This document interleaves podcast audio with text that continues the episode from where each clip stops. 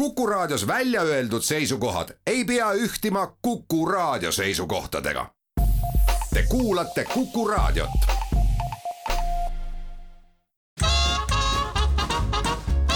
jäljed gloobusel tere päevast ja Jäljed gloobusel tiimi ehk siis Väino Laisaare ja Andres Karu poolt kõigepealt palju-palju õnne nüüd üks päev hiljem veel takkajärgi kõikidele meie naiskuulajatele ja kõikidele nendele, kes tunnevad, et naiselik pool on neis olemas ka teile. head naistepäeva siin takkajärgi minu poolt. ja olge väga toredad ja tundke ennast mõnusasti õnnitletuna. see natukene hiljem saadud õnnitlus ongi võib-olla veidi parem, sest. magusam. ja, sest nagu paljud asjad lähevad laagerdades paremaks ja kuskil pole kirjas, et õnn sedasi ei tee väga, ilusasti öeldud. jah, Väints, oleks ma naine, siis äh, äh, ma peaksin sinust eemale hoidma, sest äh, libekeelele võib, võib minna, võib sattuda jah, nagu niimoodi, et ütledki ühel hetkel jah. on ju, olgem siis, hoidkem sellest eemale, aga meil on hea meel teile öelda, et kuna meil on komme rääkida erinevatest maailma riikidest, siis tänane saade, mis kannab järjekorranumbrit kolmkümmend seitse on äh, samuti ühest äh, toredast riigist ja me, me, me mingis suhtes ei lenda nagu selles kandis, kus me eelmistel nädalatel oleme olnud, ehk siis noh, kui teile meelde tuletada, eelmine nädal me olime sellises riigis nagu Kuveit ja enne seda paar saadet tegime järjest Saudi Araabiast. Ja enne seda oli veel Iraak, et ega me nendest riikidest nüüd väga kaugele ei hüppa, aga me hüppame sellisesse lahedasse äh, Äh, rist,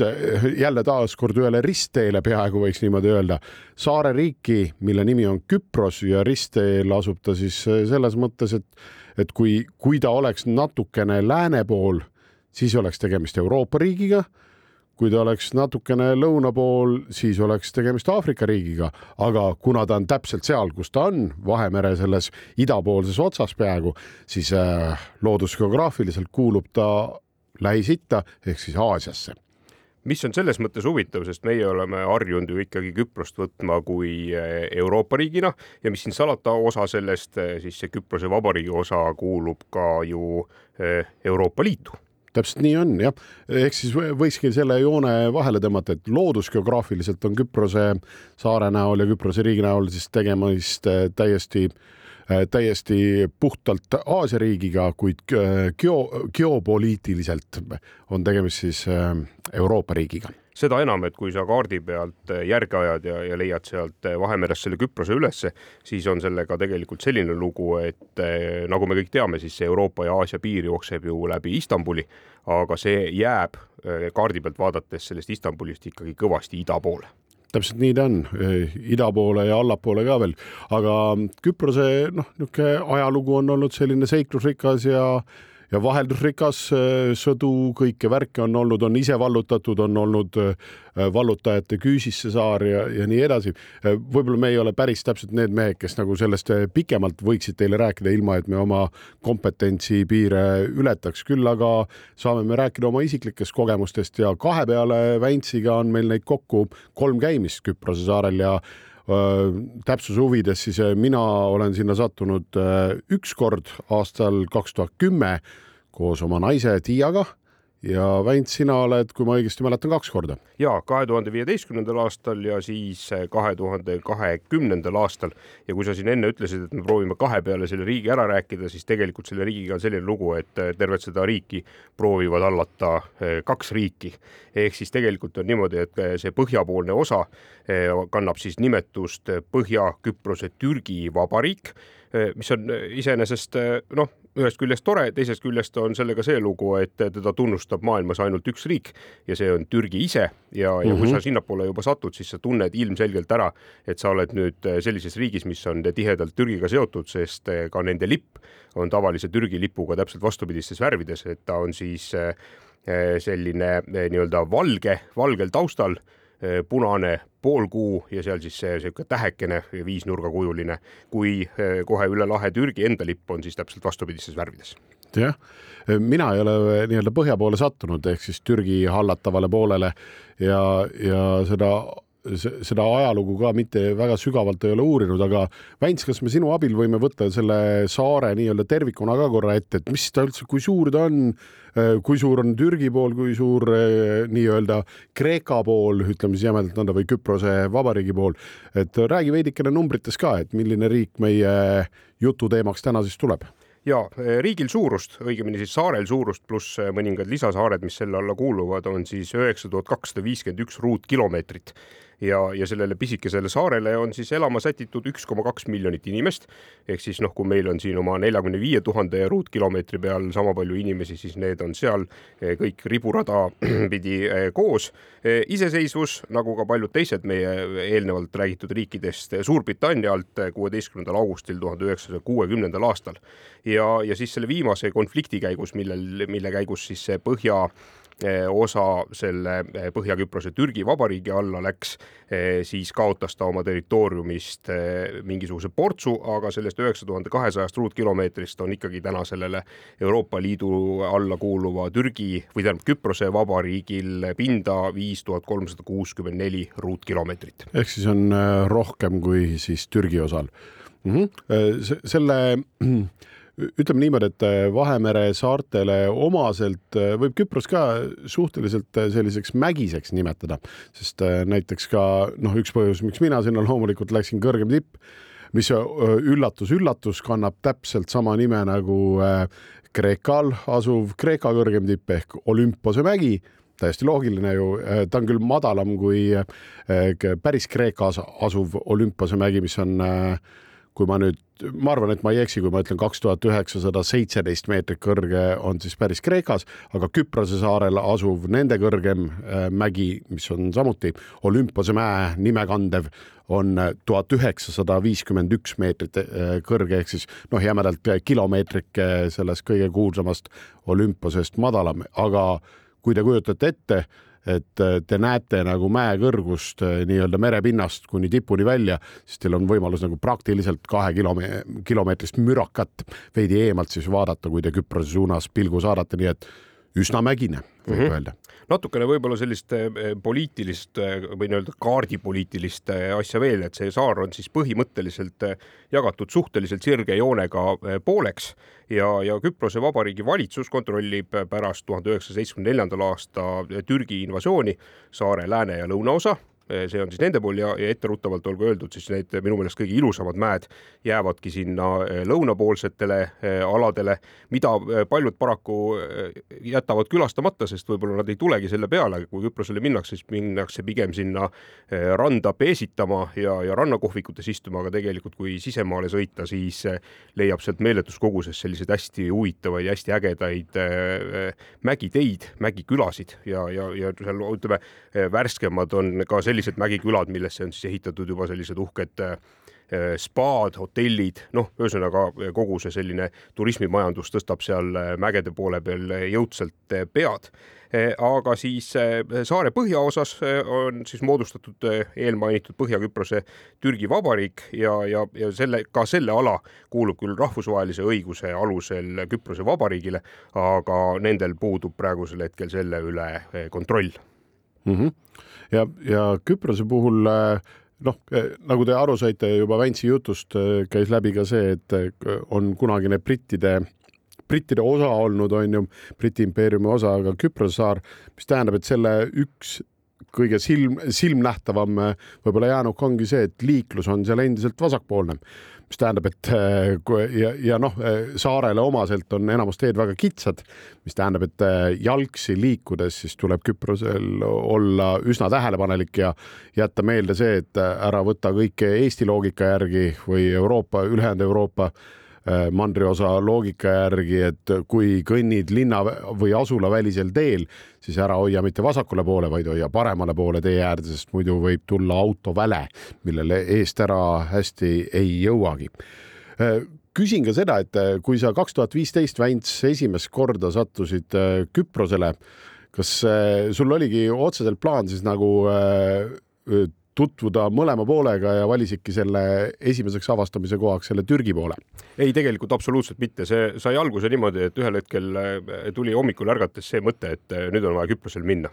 mm -hmm. ja, ja, ja lõin lahti Allmighty interneti ja, ja see näitas, et väga soodsaid lennupileteid on kohe saada, ostsin igaks juhuks ära ja, ja siis, kui minema hakkasime, siis selgus, et vahemaandumine oli Türgis ja kui me Türgist edasi lendasime, siis jõudsime Küprosele ja kui me seal maandusime, selgus, et me olemegi selles salapärases Põhja-Küprose Türgi Vabariigis eh,. olime sinna jõudnud ka sellisel toredal hooajavälisel ajal, mis siis tähendas seda, et noh, seal ütleme selle eh, lennukiga, millega me sinna lendasime, seal ikkagi nagu ports turiste oli, aga saar ise või saare osa ise oli, oli suhteliselt eh, turistivaba, mis tähendas seda, et, et sealsete vaatamisväärsustega tutvumiseks, seal ringi sõitmiseks, seal niisama kolamiseks oli suurepärane aeg, sest tegelikult meie mõistes oli väljas sellel septembri lõpp, oktoobri algusel väga mõnus soe. saime isegi ujumas käia, mis siis, et kohalikud inimesed jalutasid jopedega ringi ja näitasid näpuga meie peale, kui me seal rannikuveest pladistasime. Eh, aga, aga noh, see andis jälle omamoodi sellise huvitava eh, nägemuse ja võimaluse istuda nendesse eh, nii-öelda rannarestoranides või teistes restoranides nii, et sa nagu ilmselgelt kellelgi ei pea kohe otseselt põlve peal istuma mm. kõlab, kõlab väga imeliselt, etteruttavalt saan ära öelda, et mina sattusin sinna lõunapoolsesse nii-öelda Euroliitu kuuluvasse poolde, sattusin noh, sellisel ajal, kus tark eestlane äh, noh, isegi vaevleb Eestis ehk siis juulikuus, noh, kui seal äh, temperatuurinäidud olid niisugune kolmkümmend üheksa kuni nelikümmend üks. aga see, mis nüüd tuleb, on küll esimene paus. jäljed gloobusel oleme tagasi, Jäljak gloobusel kolmekümne seitsmes saade on käimas ja me räägime teile täna sellisest mõnusast äh, väiksest saarriigist, mis asub äh, Aasia, Aafrika ja Euroopa piirialadel, aga kuulub äh, noh, täie auga Aasiasse ehk Lähis-Itta ja see saareriik kannab nime Küpros. eks ole. ja Küprosele äh, Väints, mul, mulle väga meeldis see, et sa sattusid sinna põnevalt, et sa ei sattunud päris sinna, kuhu sa teel olid. ehk siis sa enda arvates läksid äh, siis ma saan aru Küprosele äh, nii-öelda puhkama, kus kõik euro maksab ja kõik on nagu väga tore, aga sattusid hoopis sinna, kus võiks öelda, et väike Türgi sind ootas ees absoluutselt, eks ta tuli natukene üllatusena ka ja, ja mis siin salata, ega eh, tegemata kodutöö on ju, ju kõige suurem eh, saatan üldse eh, reiside käigus, mis muidugi ei pruugi tähendada seda, et reis kuidagimoodi nahka läheb, vaid see lihtsalt lisab vürtsi sellele seikluslikule poolele. Ja, ja mis siin salata, noh, varem või hiljem oleks need mõlemad pooled pidanud niikuinii ära käima, aga, aga kui see saatus juba ennast sellisena välja mängis, siis olgu esimesena siis see, see Põhja-Türgi Küprose vabariik see... või Põhja-Küprose Türgi Vabariik on õige niipidi öelda. kas sedapidi äh, läks sul ka näiteks, et äh, vahel sellistes olukordades ju juhtub ka see, et sa oled eelnevalt näiteks äh, broneerinud nädalaks ajaks hotelli ja siis selgub, et ah, see on teispool piiri, on ju, noh, mida või ma, ma tean, et noh, jalgpalli ajaloost on ju teada noh, need juhtumid, kus mingi suur finaal peetakse Budapestis ja siis hunnik Inglise jalgpallifänne lendavad Bukaresti, sest noh tegelikult on see ju peaaegu sama linn ja samamoodi ikka nagu pole üldse kaugel ka Budapest ja Bukarest ju äh, teineteisest. ja siis avastavad, et aa, aga siin ei saa mingit mängu vaadata, küll aga on siin palju õlut müügil, on ju, ja, ja muidu väga tore. et äh, sul vähemalt seda jama ei olnud, et mingid asjad olid bronnitud, mida sa kätte ei saanud? ja ei, mul nii hullu ei olnud, tegelikult see algus oli üldse niimoodi, et see äh, vautšer, mille ma siis suutsin endale osta, oli, oli üks mu vähestest nii-öelda puhkusereisidest, mida ma oma elu jooksul olen üldse teinud teinud, noh, neid on tõesti olnud eh, käputäis. Eh, aga, aga, aga noh, sellega ka käis siis see hotell kaasas, millel me, milles me justkui nädal aega pidime elada, elama või siis noh, ma nüüd täpselt enam ei mäleta selle aja tagant, kui mitu päeva me seal eh, kohapeal olime, igal juhul me olime seal rohkem, kui seal saarel teha oli aga, aga noh, ju oli siis panustatud nende vautšerite müügiga selle peale, et inimesed tulevad ja puhkavad ja vedelevad rannas seal kivide kõrval ja ja, ja tunnevad elust rõõmu, aga, aga ütleme, kui see oktoobrikuine ilm ikkagi päris nagu rannas vedelemist ei soosinud pidevalt, siis, siis me otsustasime selle kasutada ära nii-öelda ringi sõitmise peale. aga kui sa nüüd küsid hotellide kohta, siis valesse riiki ma hotelle pannud ei ole. kui nüüd välja arvata, siin paar aastat tagasi kalli kaasaga käisime Itaalias ja, ja siis hakkasime kuskilt poole Poola pealt endale õhtuks hotelle vaatama ja, ja, ja muudkui aga lükkasime seda kaugemale, et justkui nagu jaksaks veel sõita. ja siis kogemata lükkasime selle nii kaugele, et kaugelt peale südaööd jõudsime sinna kohale selleks, et ärgata hommikul kell kuus üles ja hakata edasi sõitma. et, et sellega me oleme pannud kergelt puusse, aga, aga noh, ka selles ei ole midagi halba, sellepärast et, et ega ära sina ise oma elu igavaks ela, nagu öeldakse, on ju, siin nüüd arranžeerides Eesti filmiklassikat. Yeah aga eh, ükskord, kui sai kõik asjad ära broneeritud, eh, oli siin just paari aasta tagune aeg, võtsin siis suure hurraaga eh, plaaniks, et lähen ikkagi käin ära seal Maltal ka ostsime lennupiletid ära, broneerisin rendiautot, broneerisin hotellid ja kõik asjad, nii et esimesed paar päeva oleks mureta, et siis saaks hakata rahulikult edasi vaatama ja siis selgus, et tuli suur Covid peale, mille peale Ryanair ei tahtnud minuga lennata sinna või meiega sinna lennata tõstsime siis eh, kõik asjad ümber eh, sügisesse aega, selgus, et ka siis ei taha lennata ja, ja, ja sinna see eh, Malta vallutamise plaan praegusel hetkel jäi, nii et hotelli ei saanudki ära tühistada, see läks unti, aga õnneks rendiauto maksed sain tagasi aga nüüd äh, hüpates tagasi tänase saate teema juurde, sinna Põhja-Küprose Türgi äh, vabariiki, siis maandusime sellisel ilusal õhtutunnil. vautšer nägi ette, et meid korjatakse kui pardipoegi sealt lennujaamast kokku, pisteti bussi toodi siis hotelli, öeldi, et siin on teie hotell ja, ja küsisin, et noh, mis siis siis huvitavat siin teha saab. Öeldi, et ega siin ongi nüüd natuke nii, et hooaeg hakkab vaikselt läbi saama, et ega siin nagu väga palju midagi teha ei saa, et osad restoranid ja, ja, ja baarid ja toredad kohad on eh, kõik kinni, aga pole hullu, et jalutate ja küll te, küll te leiate. ja siis küsiti, et eh, kas te, hääd inimesed, ka soovite ehk endale rendiautot võtta ja, ja siis ma ütlesin, et noh, et, et loomulikult. küsiti, et millist soovid no ütlesime, et eh, noh, mina ei tea, et eh, millised valikud on noh, nagu see klassikaline tseen sellest Walter Milti salajasest elust, kui ta Gröönimaale maandus ja siis küsis rendiautode kohta, öeldi, et on sinine ja punane. On ju, seal oli lihtne, et, et kas sa tahad automaati või manuaali, ma ütlesin, noh, mina ei tea, et võib manuaal ka olla, ei, ei, võta ikka automaat vaatas otsa, et turist, et selge, automaat. noh, hiljem sai muidugi teada, miks see, miks seda automaati niivõrd palju eh, suruti. noh, ja, ja see eh, nii-öelda auto tellimine oli iseenesest niimoodi, et sealsamas hotelli respas panin kirja, et tahan siis mingit autot saada ja, ja, ja need ütlesid, et eh, selge. ma küsin, kas ma pean hommikul minema kuhugi, et auto kätte saada. ei, ei, see tuuakse siia hotelli ette. ja hommikul plaks ilusal kellaajal, õigel kellaajal oligi üks selline äh, pisikene, noh, sihuke klassikaline Opel Agli, nagu need äh, rendiautod on, automaatkastiga oli süpsti hotelli ees täiesti tühja paagiga. Nii et keerasin süüte sisse, see seier isegi ei liigutanud. Ja siis Respa tädi siis ütles veel, et ja, ja et see tuuaksegi täitsa tühja paagiga ja täitsa tühja paagiga pead ka tagasi tooma. ja, ja küsisin, et kaugel siis on esimene tankla, kuhu ma siit peaks välja jõudma tädi vastas, et pole hullu midagi, et siit mingisugune kaksteist kilomeetrit sõita ja, ja juba oled esimeses tanklas. olin kodust eos kaasa võtnud ka veel äh, oma Karmini navi-, navi-, navigeerimise seadme, et sellega siis oskaks seal äh, saare peal ringi sõita. tuli välja, et ainukene äh, kaart, mis sellest navigatsiooniseadmest puudus, oli see, mis näitas seda Põhja-Küprose Eh, Türgi Vabariiki, et alumise osa teed ja asjad olid kõik olemas, aga kuna see Euroopa alla ei kuulunud, siis, siis see oli ka kaardi pealt rahulikult eh, välja jäetud ja minu arust toona, kaks tuhat viisteist oli veel see aeg ka, kui meil seda roamingut vabalt käes ei olnud. nii et, et, et siis ei olnudki midagi, kui eh, võtsime esimesel päeval, sõitsime sinna esimesse tanklasse ära, ostsin sealt suure Küprose, Põhja-Küprose kaardi ja, ja hakkasime siis selle järgi endale plaane tegema. mis nüüd selle rendiautoga oli veel tore, oli see, et äh, kuna seal on ikkagi see valepidine liiklus, noh, istud autosse, aga, aga selgelt paremale poole ja, ja sellega, sellest lähtuvalt siis ka liiklus on valepidi, siis kõikidele nendele äh, turistidele renditavatele autodele on keeratud külge punased numbrid et neid oleks kahe mäe taha näha, et, et kohe tuiskab liikluses sulle vastu eh, mingisugune eh, vend, kes tõenäoliselt ei tea mitte midagi, mis pidi see eh, liiklus sellel, selles riigis toimub ja, ja mis siin salata, see valik, et ma võtsin toona siis ikkagi selle automaatkastiga, auto selgelt hõlbustas seda esmakordset valepidi liikluses osalemist. et, et meiega koos sattus, sattus veel üks ports eestlasi sinna ja leppisime siis teistega kokku, et järjekorda hommikusüttides Eh, läheme siis kõik eh, riigi või selle noh, saare osaga tutvuma Mm -hmm. et noh, ega seal väga palju kuhugi sõita ei saa, et, et kõige suuremad vahemaad on idast läände kakssada nelikümmend kilomeetrit see on siis tipust tippu ja, ja põhjast lõunasse sada kilomeetrit ja kui sa sealt siis veel lahutad pool ära, sest üle piiri nii-öelda sinna Küprose Vabariigi poole peale me selle rendiautoga ei tohtinud minna Eh, siis, siis noh, jäigi täpselt niisugune nagu mõnus mitme päeva uhamine ja, ja sõitmine järgi. ja leppisime siis hommikusöögilauas kokku, et nüüd võtame oma Opel Aglid ja, ja kütame siis riigiga tutvuma, et panime igaks juhuks kõige kaugemasse tippu kohe punkti, et hakkame sinnapoole minema. ja, ja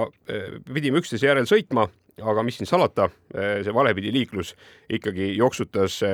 mõistuse korralikult kokku esimestel ringteedel, nii et peale teise ringtee läbimist signaalide ja, ja, ja karjuvate inimeste saatel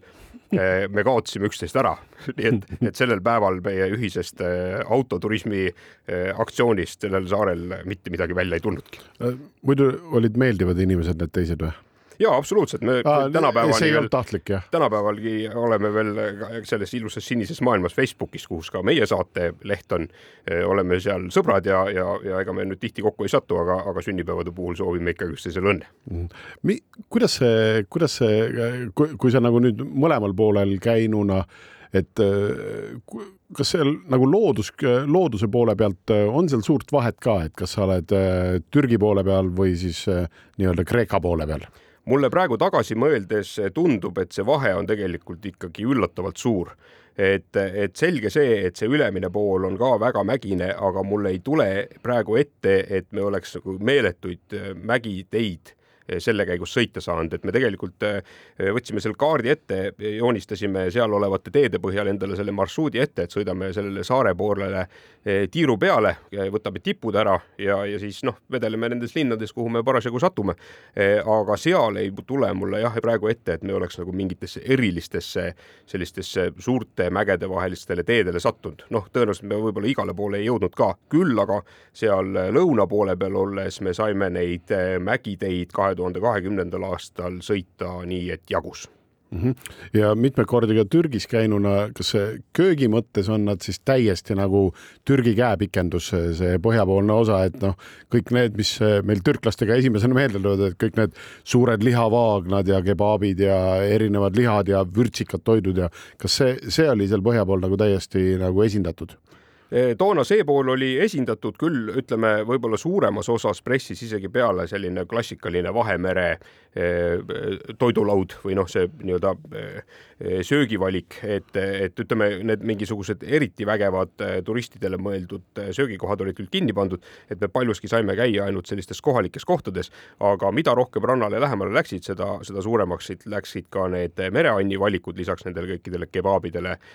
otsa, küll ei mäleta, et oleks olnud nii meeletutes kogustes saia kui nüüd nendel viimastel Türgi läbimistel. me oleme mõne sekundi pärast tagasi. Jäljed gloobusel oleme tagasi, Jäljak gloobusel räägib täna Küprosest ja me jätkame sealt, kus enne pausi pooleli jäime. Vänts, sina meist kahest oled ainukene, kes on käinud ka Põhja-Küprose Türgi Vabariigis nii-öelda, et sealt, sealt me rääkisime enne pausi ja, ja sul tõenäoliselt ei saanud veel jutud otsa, nii et mis sa seal põhja äh, nii-öelda anastatud Küprose poole peal veel kohtasid? ja enne ma tahaks öelda seda, et ei tasu peljata seda valepidi liiklust, et elu on näidanud, et tegelikult sellise paari päevaga õpid täitsa vabalt ära nii-öelda valepidi mõtlema ja, ja siis tuleb sõitmine juba välja senikaua, kuni tuleb ette jälle ringtee, sest siis jookseb raginal kokku. Ja, ja elu on näidanud ka seda, et kui sa oled mingite päevadega õppinud juba valepidi sõitma, siis õiget pidi tagasisõitmine eh, tuleb palju raskemalt kui õiget pidi valele poole üle minna. okei okay,, Küproselt tulles ei ole seda vahet, onju, sest sa ikkagi lendad lennukiga ja, ja mõistus jõuab paika looksuda, aga ma mäletan, et kui ma tegin ümber äh, Briti saarte suurt tiiru, siis äh, Prantsusmaalt äh, üle väina äh, sinna Inglismaa poole peale minnes panin kohe esimesel ringteel raginal suurele reisibussile ette ja, ja peale seda tekkis see mantra, et pihta tulevad asjad tulevad paremalt. on ju, et siis hakkad kohe korrutama seda, et, enne kui sa ringi peale jõuad, et sa siis hakkad noh, endale korrutama. aga näiteks kui me tagasi läksime tunneli kaudu, Inglismaalt Prantsusmaale siis, siis ma arvan, et ma ikkagi mingid esimesed kilomeetrid rahulikult seal Prantsusmaa pinna peal olin valel pool ja siis alles sain aru, et tegelikult on nüüd vahepeal toimunud jälle mingisugune eh, selline ümberlülitus. aga seda see, seetõttu, seetõttu on eh, minu arust väga kihvtilt nagu mõned eh, üle, üle nii-öelda veesilmade minevad riigi piiriületused, kus ühel pool on vasak ja teisel pool parempoolne nii-öelda liiklus on lahendatud niimoodi, et, et sa jääd sellesse samasse nii-öelda sild on kaheosaline, et sa näiteks vasakpoolse liiklusega kohas sõidad nagu mõnusalt, sul kaob see vastutulev suund kaob ära, sa sõidad mõnusalt üle lahe ja äkki see vastutulev suund on sinust täiesti loogiliselt liikunud teisele poole. Ja sa lihtsalt jätkad samas reas, kus sa olid ja kohe paneb nagu sulle selle pitsati ära nagu, et kuule, vot nüüd sa oled õigel pool ja sa ei ole kordagi nagu eksinud, et ja oled vahetanud nii-öelda äh, liiklussuundade pooli nii-öelda. aga sellist põnevat kogemust mul ei olegi, ma kindlasti panen selle nüüd to do listi, mhm. et, et saada ka sa selline ülesõit kätte. ütleme vanal ajal, kui eh, ka meil siin naabritel rootslastel valepidi liiklus käis, siis sellel ajal ma sinnamaale ei sattunud, vähe sellest, et ma oleks sealmaal veel sõitmise võimeline olnud. Aga, aga noh, ühesõnaga neid riike on ja, ja ma tahtsin öelda seda, et seda ei tasu kuidagimoodi peljata, et, et mingil põhjusel inimesed kohalikud saavad aru, et sa noh, oledki nii-öelda sihuke tugeva riskifaktoriga vend. ja, ja kui sul on veel Küprosel punane number ka, no siis kõik teavad no, suure kaarega sinust eh, mööda minna. Eh, kui ma siin eelmises plokis rääkisin seda, et, et see Küpros oma mõõtmetelt on väga väike, just nimelt ringi sõitmise mõttes kakssada nelikümmend kilomeetrit idast läände ja, ja, ja sada kilomeetrit põhjast lõunasse, siis see on näiteks ka eh, nii-öelda Euroopa Liidu mõistes väiksemad liit, liik, riigid on ainult Malta ja Luksemburg, nii et ta on siis altpoolt eh, kolmas, on ju, mis siis annab eh, selle vaate. Ja, ja kui me siin olime oma auto kätte saanud ja läksime siis ümber saare tiiru tegema, siis noh, võtsime esimesena eh, selle kõige pikema nii-öelda poolsaare, mis siis osutab Kirdesse sinna kohe sügavale Türgi sisse. Ja, ja kaart näitas, et sinna me saame. kui me registratuurist saime kätte siis oma selle rendiauto, siis ainuke asi, mille peale näpuga vibutati, oli, oli see, et ära sina tead off-road'i küll minema mine või tegema mine. Ja ega meil ei olnud plaaniski paraku oli see lugu, et eh, olgugi, et selle kaardi peale oli joonistatud eh, mõlemale poole seda poolsaart täiesti adekvaatne suur tee, siis koha peale jõudes selgus, et seal poolsaare tipus on üks suur selline nii-öelda majakas ja, ja ka tõenäoliselt mingisugune väike sõjaväebaas, siis see tee, mis sealt ülevalt poolt tagasi hakkas tulema, oli vähemalt kahe tuhande viieteistkümnendal aastal kas siis välja ehitamata või lihtsalt mingisuguses looduses üle sellise mägise maastiku minev rada ja, ja mis siis vahepeal eeldas ka seda, et sa pusid mingisuguste selliste eriti tihed, tigedate eh, põõsaste vahelt läbi, mis toimusid, toimisid autole sellise noh, kerge oksapesu eh, funktsiooniga onju mm. -hmm. ja, ja tuli ühesõnaga ette käia ja, ja vaadata, kuskohast see auto ikka läbi saada, aga kuna kaart ütles, et sealt saab, siis, siis nii oligi. ja, ja noh, kuna off-road ida ei tohtinud, aga, aga nagu ka Top Gearis Clarkson ütles, et ega rendiauto on ju kõige parem off-road auto ja nii me oma Opel Agriga siis otsustasime pressida nii kaugele, kui, kui noh, vähe vähegi saame, et, et kohe niikuinii läheb paremaks. noh, ei saanud, lõpuks jõudsime mingisugusesse kanjonisse eh, sellise astmelistest kividest alla sõites, noh nagu need paekivi astmed sellised on. ja, ja siis selgus, et suur aed oli ette veetud, oli mingisugune territoorium sinna tehtud ja, ja järgmine harjutus oli siis see, et me pidime selle nii-öelda pimeneva ilma käigus saama sealt samast astmetest üles ja läbima eh, selle põõsastiku ja, ja kogu selle maastikuraja uuesti sinna tippu, nii et, et sealtkaudu siis tagasi ja peale, peale keskööd alles jõudsime siis tulede valgel hotelli ja, ja noh, jäigi see üleminna rada sõitmata, kuigi see oli hästi põnev ja tore, eh, vähemalt kaardi pealt ja järgmine päev läksime siis teisele poole eh, sinna läänepoolsetele aladele sõitma ja, ja seal siis oli ees juba meeletus koguses neid eh, rannakuurorteid, mis olid selleks hetkeks täiesti maha jäetud, aga nad olid maha jäetud niimoodi, nagu oleks lihtsalt keegi suurt nuppu vajutanud ja kõik jooksid minema. et kõik need rannatoolid, varjud, eh, noh, need väli mingisugused lesilad, asjad olid kõik seal rannal alles, aga ühtegi inimest ei olnud, kõik olid ära jooksnud et mõne koha peal olid veel rätikudki hunnikus, et noh, mine tea, mis seal siis oli toimunud. igal juhul võtsime vabalt, vedelesime seal erinevate rannatoolide peal, lasime tuulekesel enda peale puhuda ja, ja sõitsime sealt siis ära eh, saarekese pealinna, millega on nüüd natukene keeruline lugu. ma lihtsalt korra vahele küsin, kas, kas sealt põhja poolt on siis pärit ka see komplekt äh, neid rannarätikuid, mis sa mulle viimaseks sünnipäevaks kinkisid. ja ma enamasti ainult kingingi Aitäh sulle. reisidelt kaasa või hotellidest kaasa toodud sulle. jah, olgu nüüd tõe huvides öeldud, et tegemist on ikkagi naljaga, ma ei võta hotellidest rätikuid kaasa, kuigi neid äh, olen viimasel ajal hakanud tähele panema hotellides kirju, et, et need on kõik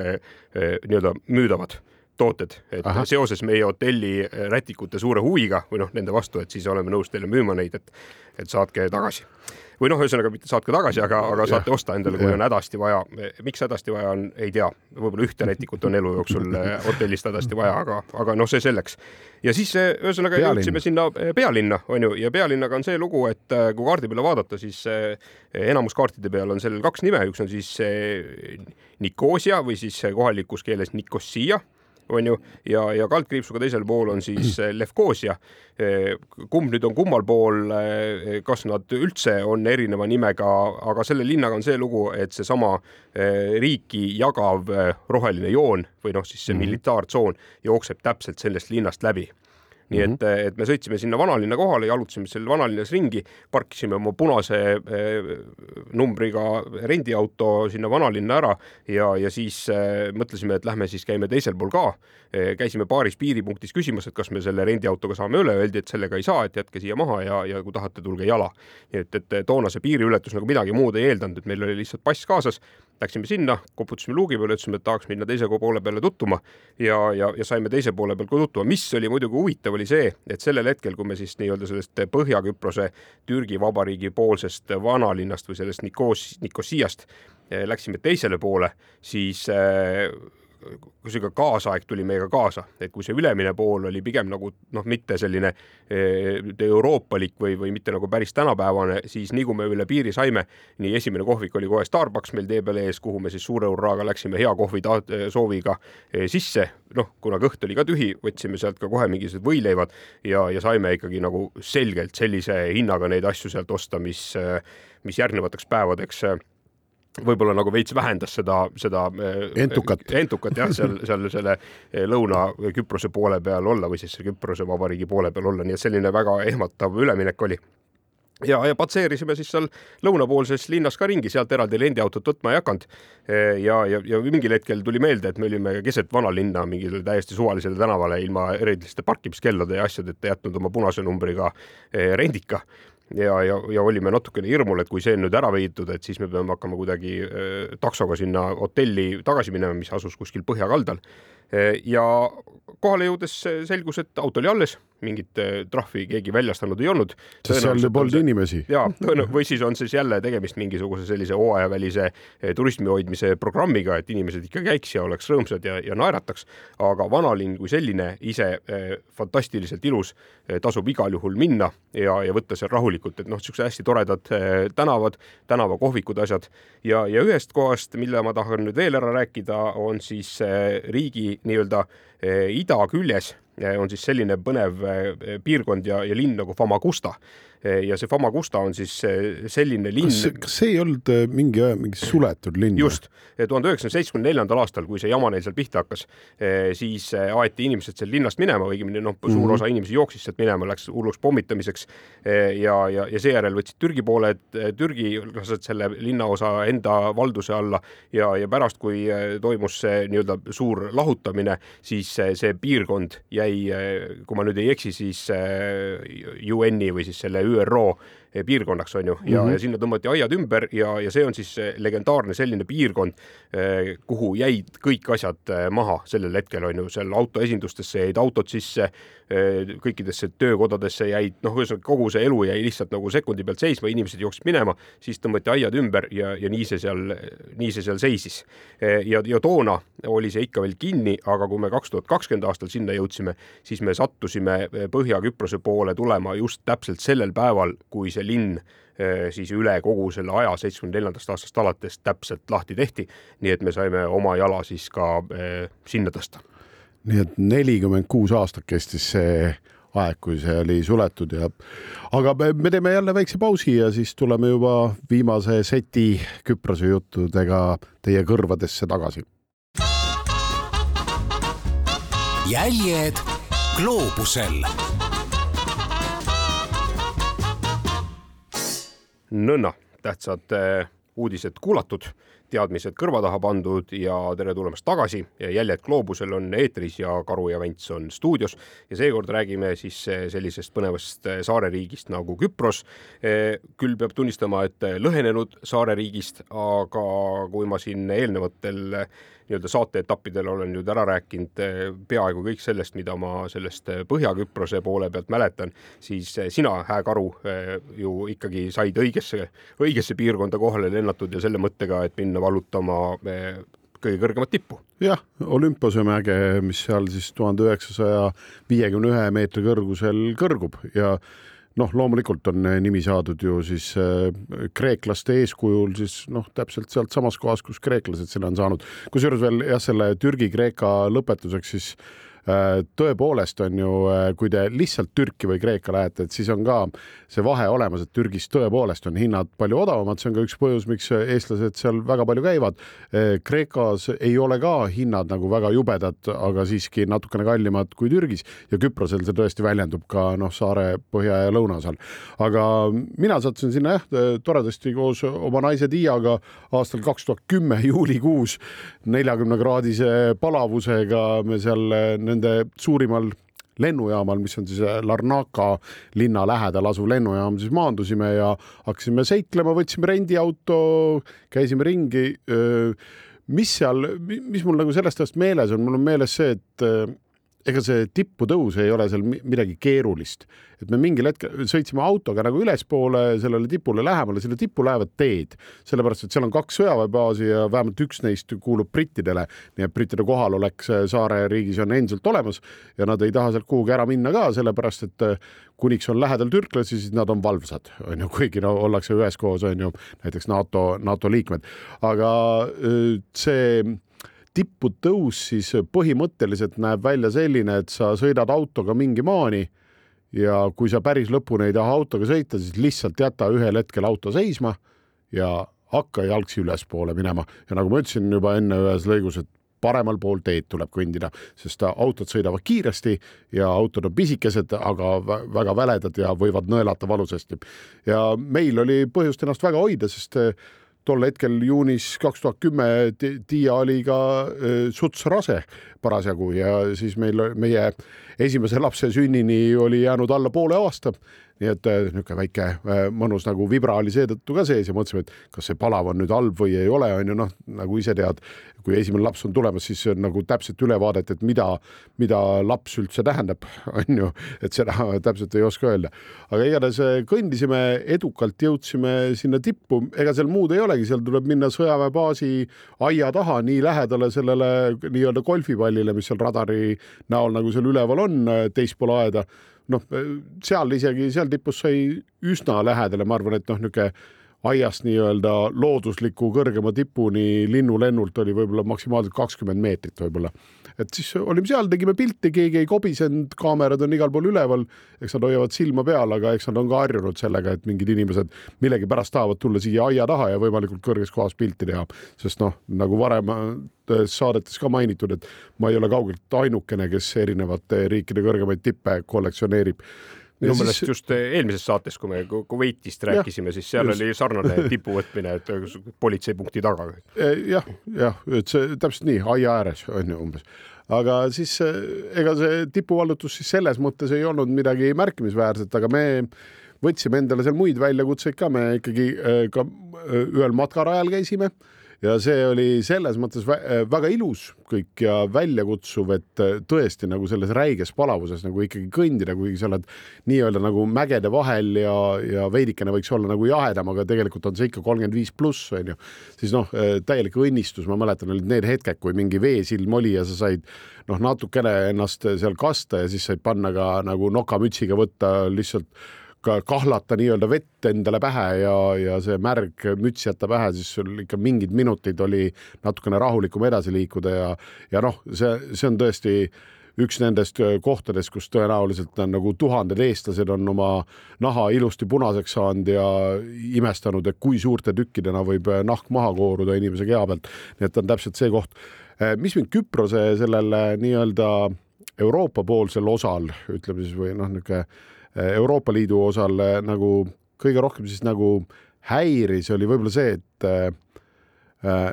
hästi palju meid kõnetati äh, absoluutselt ilma, et oleks kuuldud, mida me räägime, meid kõnetati vene keeles. Ja, ja no mingil hetkel see hakkab nagu närvidele käima, saad aru, et okei okay,, siin on äh, hästi palju vene turiste nagu ja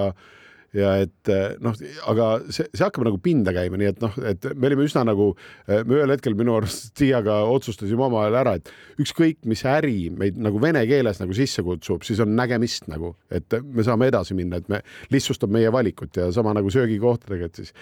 ja, ja täpselt nii me nagu käitusime, aga samas noh, jällegi, et seda nii-öelda vene keeles kõnetamist, seda võib laiendada nagu päris mitmetele riikidele, et samamoodi noh, ma ei tea, sellesama Türgi erinevates turismi. ja Lõuna-Türgi on ju ka tegelikult ju suures osas selline sildiki venekeelsed väljas. või noh, samamoodi sa võid, sa lähed Dubaisse või Abu Dhabisse on ju Ühendemiraatides, noh, seal hästi palju kuuled vene keelt, näed venekeelseid silte, samamoodi noh, ma ei tea, Euroopas veel on ju mingid kohad, Serbia näiteks ja noh, need, need kohad seal paraku niimoodi on, sest nad on on nad ära harjutanud seal eh, niimoodi ja, ja siis, siis noh, samas jällegi teistpidi nagu mingitel hetkedel sai tänu sellele nagu palju lihtsamini hakkama, kuna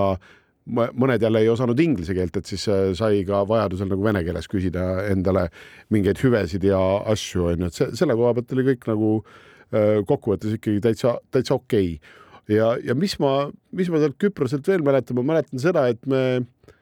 me me suht palju ikkagi äh, enda kohta äh, veetsime aega ka nii-öelda mere ääres, et panime varbaid likku ja tundsime ennast nagu väga mõnusalt ja kuna ilm oli nii soe, siis noh, ujumas tuli, tuli käia palju, aga äh, võiks öelda, et see on selline, selline tore saareriik, kuhu mina, kui ma sinna puhkama läheks, võtaksin lapsed täitsa südamerahus kaasa ja tõenäoliselt kinnita või lükka ümber, et äh, lapsi võib täitsa rahuliku südamega kaasa võtta ka põhja poole ehk siis Türgi poolele. ja, ja ega seal karta selles mõttes ei ole midagi, ma küll manitseks äh, külastama vähemalt noh, ühesõnaga rohkemaid piirkondi kui ainult need klassikalised äh, rannaääred. okei okay,, ma saan aru, ranna ääres on ilus ja inimesed tahavad puhata ja, ja päevitada, onju, ja aga, aga igal juhul võtke oma see Küprose puhkus selle arvestusega, et teil on mingisugune päev või kaks näiteks eh, kas, kas rohkem või siis võtke selle rannapuhkuse arvelt endale neid päevi, et te vähemalt seal selle Küprose eh, vabariigi poole peal saaksite minna ka sisemaale sinna mägedesse, sest, sest noh, see on, see on tõesti ilus. Need inimesed, kes seal elavad, on hästi sõbralikud. Eh, seal on väga toredad kohad välja ehitatud, seal on teed, mida sõita, meeletult ilusad. no ühesõnaga, see on, see on lihtsalt ilma igasuguse liialdamiseta täiesti viis pluss keskkond, kus kohas oma puhkust veeta. aga Vents, mul jäi kummitama eelmisest saate saatelõigus see ikkagi, et see suletud linnaosa või suletud linn on ju, et äh, see, te saite sinna esimesel päeval, kui see nagu lahti tehti, saite sisse. kas see, kas see oligi niisugune nagu ajakapslisse sisenemine, et kõik oli täpselt nii nagu nelikümmend kuus aastat varem, aastal äh, tuhat üheksasada seitsekümmend neli, siis äh, kui linn kinni pandi, jäi no tegelikult ta ei olnud, meil oli küll selline pilt ees, on ju, et, et vähemalt ma arvan, et kui, kui täna eh, seda Famagustat eh, guugeldada ja, ja lugeda seda informatsiooni, mis selle kohta on olemas, siis kõik need jutud, mis eh, on kuni siis ütleme selle kahekümnenda aastani eh, ikkagi suures osas räägivad sellest, kuidas seal on kõik alles, et need vanad mingisugused Mercedese eh, müügipunktid on ju, et nii nagu need seitsmekümne neljandal aastal autod sinna jäid ja, ja kõik need mingid teised asjad, Toyota pood oli näiteks seal olemas. et, et see kõik on justkui nagu sellisesse vaakumkapslisse tõmmatud, on ju. Eh, reaalne elu oli ikkagi see, et kui sellel hetkel siis kahe tuhande kahekümnendal aastal see linn täpselt sellel päeval lahti tehti, kui meie sinna sattusime, oli see ikkagi ikkagi suures osas eh, noh, lihtlabaselt tühjaks varastatud et, et oli seal hulganisti aknaid puruks pekstud, noh, loomulikult oli, oli võtnud loodus tagasi, nii nagu loodus ikka võtab, on ju, igalt poolt puud kasvasid läbi ja, ja rohi kasvas läbi. aga, aga kui sa eeldad, et üks piirkond on nii-öelda nagu sõjaväelise organisatsiooni poolt lukku pandud, nii et sinna keegi sisse ei lähe, keegi välja ei tule, siis, siis noh, sa justkui nagu oma peas ei eelda, et, et miski selline suurem lammutamine või, või äraviimine või noh, mis iganes seal toimunud on. aga, aga tegelikult noh, seda, mida me seal Eh, võib-olla näha eeldasime või ootasime seda seal ei olnud, noh, ühtegi autot enam autopoes ei olnud, on ju, ärid olid kõik suures osas tühjaks tehtud, paljud aknad olid puruks pekstud, noh, ilmselgelt oli selle äh, möödunud äh, aja jooksul seal seitsmekümne neljandast aastast ikkagi nagu üht-teist äh, käidud ja, ja väikest reha tehtud. Ja, ja lisaks sellele, sellesse piirkonda siis nendesse hiigel suurtesse uhketesse hotellidesse, mis olid just varasemalt valminud ja, ja kus asuvad ka saare kõige ilusamad rannad, noh siis, siis ka need olid täpselt samamoodi jäänud siis eh, ajahamba kätte hotellides, mereäärsetes hotellides seal eh, need hotelli aknad puruks pekstud akende vahelt kardinad lehvisid ja, ja kõik oli selline suhteliselt trööstitu. küll oli tegemist suure PR-üritusega, sest selleks hetkeks, kui nii-öelda aed lahti lükati, olid juba türklased suutnud sinna maha tõmmata mingisuguse igavese hulga uut asfalti mis siis ka suures osas promeneeris sealt äh, nii-öelda sealt väravast kuni siis esimese äh, uhke äh, rannani ja, ja siis selle mahajäetud ja puruks pekstud ranna kohvikuni sellised jutud tegelikult Küproselt. kui veel midagi lõppu lisada, siis loomulikult, kui lähete Küprosele ükskõik kumma poole peale, käige restoranides, võtke mereande, võtke meeset, maitske erinevaid maitseid, te ei pea pettuma, sellepärast et mõlemal pool nii türklased kui kreeklased kõik nad on suurepärased kokad. Väino Laisaar ja Andres Karu olid eh, taas kord teiega. Jäljak gloobusel kolmekümne seitsmes saade oli see. paneme ka pilte üles oma Facebooki lehele, mis kannab loogilist nime Jäljak gloobusel. võite sinna meile jätta ka kommentaare, soovitusi ja kõike muud. nii et uute kohtumisteni järgmisel nädalal tõenäoliselt eh, räägime ühest Aafrika riigist. täname kuulamast ja püsige avarad jäljed gloobusel